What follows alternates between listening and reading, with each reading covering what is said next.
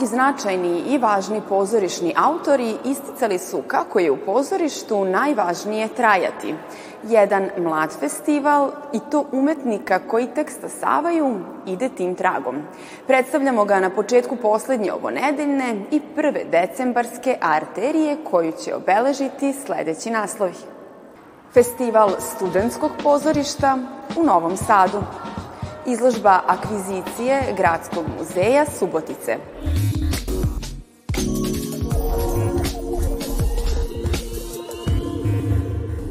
U organizaciji Novosadske akademije umetnosti do 3. decembra održava se peti festival studentskog pozorišta. Svečano otvaranje bilo je u multimedijalnom centru Akademije, a prethodila mu je izložba fotografija sa prošlogodišnjeg festivala priređena u Galeriji Akademije. Gošće Arterije su profesorke Ljubica Ristovski i Dubravka Lazić. Dobrodošli u Arteriju.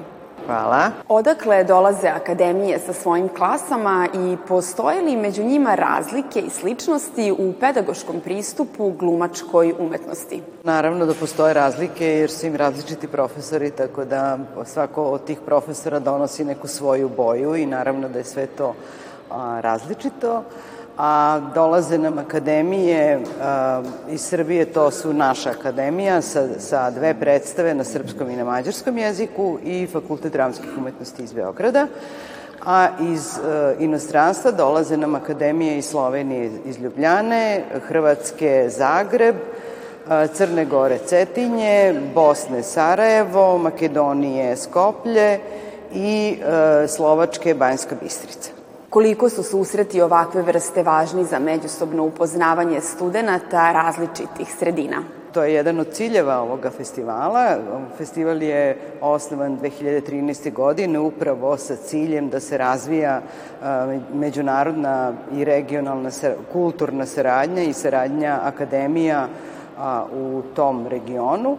Tako da je ovo samo nastavak e, i ispunjavanje tog jednog osnovnog cilja, a ja mislim da su značajni ciljevi i to što a, e, poslednjih pet godina festival rade isključivo studenti, oni e, se upoznaju sa svojim e, vršnjacima iz drugih akademija i naravno tu postoji mogućnost i nekakve saradnje. Da li festival ima potencijala da podstiče umrežavanje studenta ne samo tokom, nego i nakon završetka školovanja? To je takođe jedna od namera da se oni upoznaju, da bi kasnije u svojim profesionalnim karijerama možda napravili nekakve zajedničke projekte i to bi nekako bila kruna da tako kažem, ovog našeg festivala. Pored predstava u okviru festivala je i tematska izložba studenta Departmana likovnih i primenjenih umetnosti katedre za fotografiju.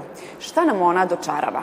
Otkriva tu saradnju ne samo među studentima, nego i među studentima Akademije unutar departmana. Dakle, neka vrsta interdepartmanske saradnje, pored toga što jel, se snimaju predstave u kojoj učestvuju studente iz drugih, sa drugih akademija iz regiona kako su studenti koji nisu sa glumačkih klasa zabeležili čin pozorišnog stvaranja u svojim objektivima. Pozorišna fotografija je vrlo specifičan uh, zadatak, da ga tako nazovem. Mi smo ga imali uh, u okviru nekadašnjeg kurikuluma na studijama fotografije, A, umeđu vremenu se to izmenilo, tako da nam je zapravo sad Festival studentskog pozorišta odlično poslužio, ne samo da studenti prođu kroz ovaj zadatak na jednom profesionalnom nivou, nego i da osete nešto novo i da naprave jednu kreativnu stvar koja opet izlazi iz domena nekog nastavnog uobičajenog procesa. Dakle, rade nešto više, vide kako rade studenti drugih departmana, upoznaju se i na kraju rezultiraju, to jest rezultira se jednom kvalitetnom izložbom.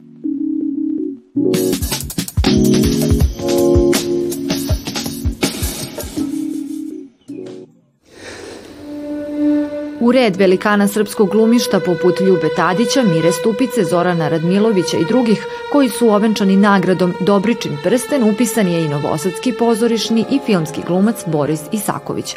Nagrada za životno delo u 2022. godini koju dodeljuju Druženje dramskih umetnika Srbije biće mu uručena na svečanosti u nedelju 3. decembra u 12 časova u Jugoslovenskom dramskom pozorištu. U konkurenciji za uglednu nagradu koja se smatra najvišim staleškim visokim priznanjem bili su Gordana Đurđević-Dimić, Radmila Živković, Gorica Popović, Anita Mančić, Branislav Milićević, Saša Torlaković, Tihomir Stanić i Rade Šerbeđija. Odluka da Boris Isaković postane 35. laureat ove pozorišne nagrade doneta je većinom glasova sedmočlanog žirija.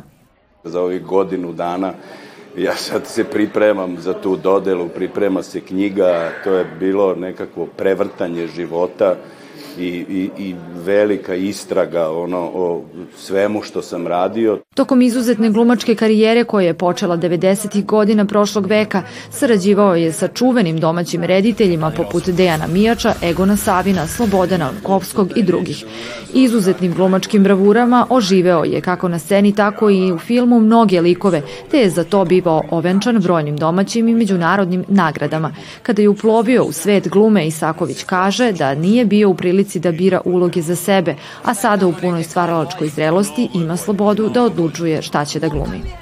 Sve što radim, ja, ja zaista imam nekakvo duboko uverenje da je to određena tema ili određena ideja ili nekakva priča koja mene zanima. I to je isključivo e, stvar mog izbora, prepoznavanja određenih stvari i odatle posle toga ne može ništa, ne može nikakvo ogvorčenje da mi se rada, rađa, može samo radost da postoji, da je uspeh neki veliki ili manje veliki uspeh e, što se tiče nekog obavljenog posla urađen. Na pozorišnim daskama publika je u prilici da ga gleda u Jugoslovenskom dramskom pozorištu u predstavi Zašto je poludeo gospodin R. Boba Jelčića u kojoj igra naslovnu ulogu, iako je u poslednje vreme više bio posvećen filmu. Glumio je u stvarenjima Da li ste videli ovu ženu, Heroji radničke klase, Lost Country, kao i serijama Porodica, Pad i Poseta.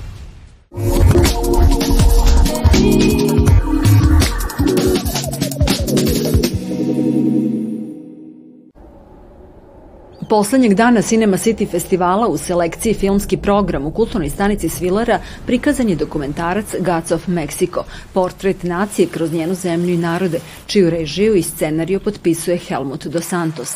Ovaj dokumentarac snimljen od 2013. do 2022. godine bavi se načinima otpora modernizaciji duboko u srcu Meksika, prikazujući veliku raznolikost mnogih zajednica domorodačkih naroda i afropotomaka širom zemlje.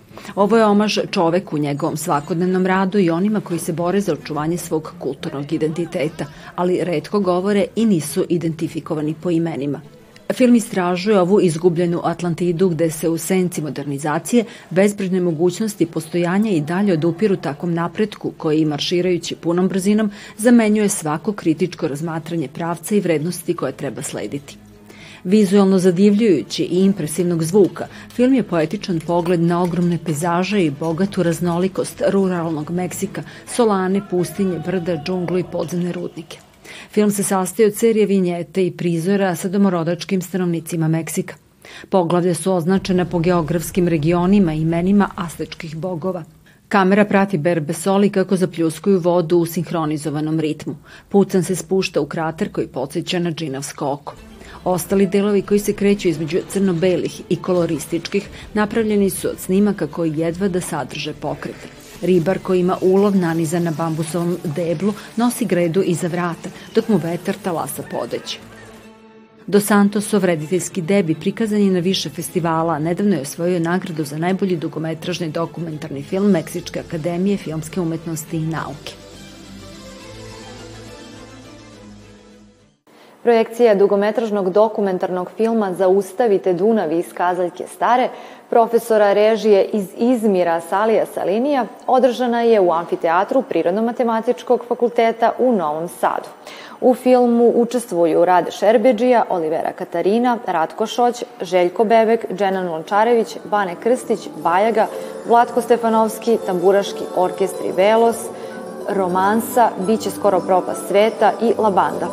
Gledaoci imaju priliku da upoznaju kulturu i muziku ovih prostora i nastanak najboljeg etno festivala u Evropi, Tamburica Fest, čija je misija afirmisanje tamburaške muzike i tamburice kao instrumenta. Manifestacija objedinjuje razne vrste umetničkog delovanja i pored muzičara, kompozitora, izvođača, vokalnih solista, okuplja poete, slikare, književnike, glumce, režisere, arhitekte, majstore starih zanata i graditelje muzičkih instrumenta.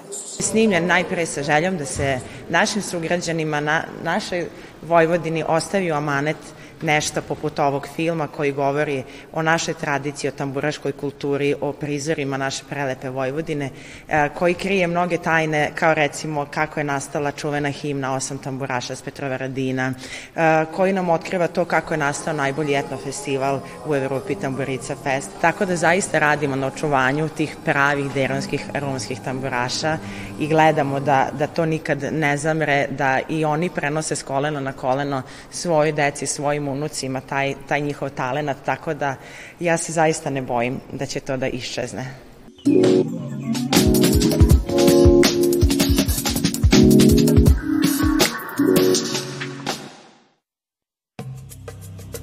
Gradski muzej u Subotici prikazao je svojim posetiocima samo delić onoga što su nekada bile privatne zbirke Subotičana koji su odlučili da ih poklone ovoj kulturnoj ustanovi. Jedna od vrednih jeste kolekcija egzotičnih predmeta i narodne umetnosti iz Afrike, poznatog subotičkog diplomata iz vremena nekadašnje Jugoslavije Lasla Bale.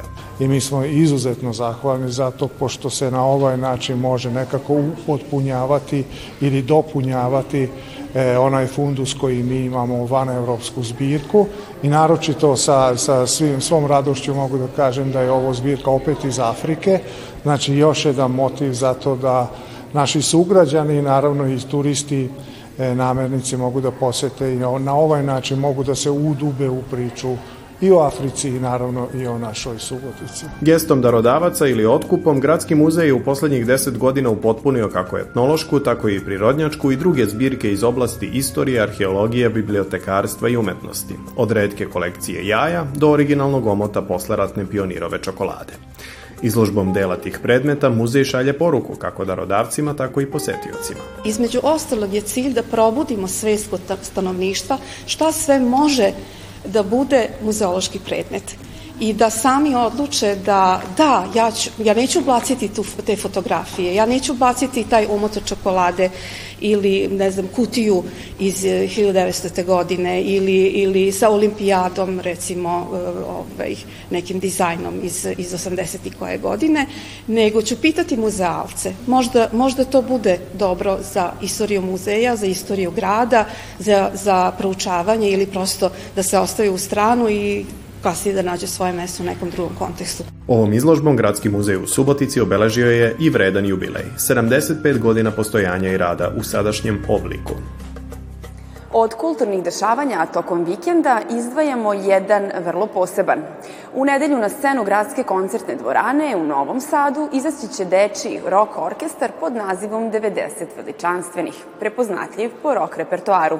Izvođači uzrasta od 7 do 18 godina sviraće hitove velikih rock bendova. Biće to prilika da čujemo kako na njihovim gitarama, bas gitarama, klaviru i bubnjevima zvuče čuveni hitovi grupe Queen, Guns N' Roses, Black Sabbath, EKV, Parni valjak i drugi. Prijatno! Oh, oh, oh.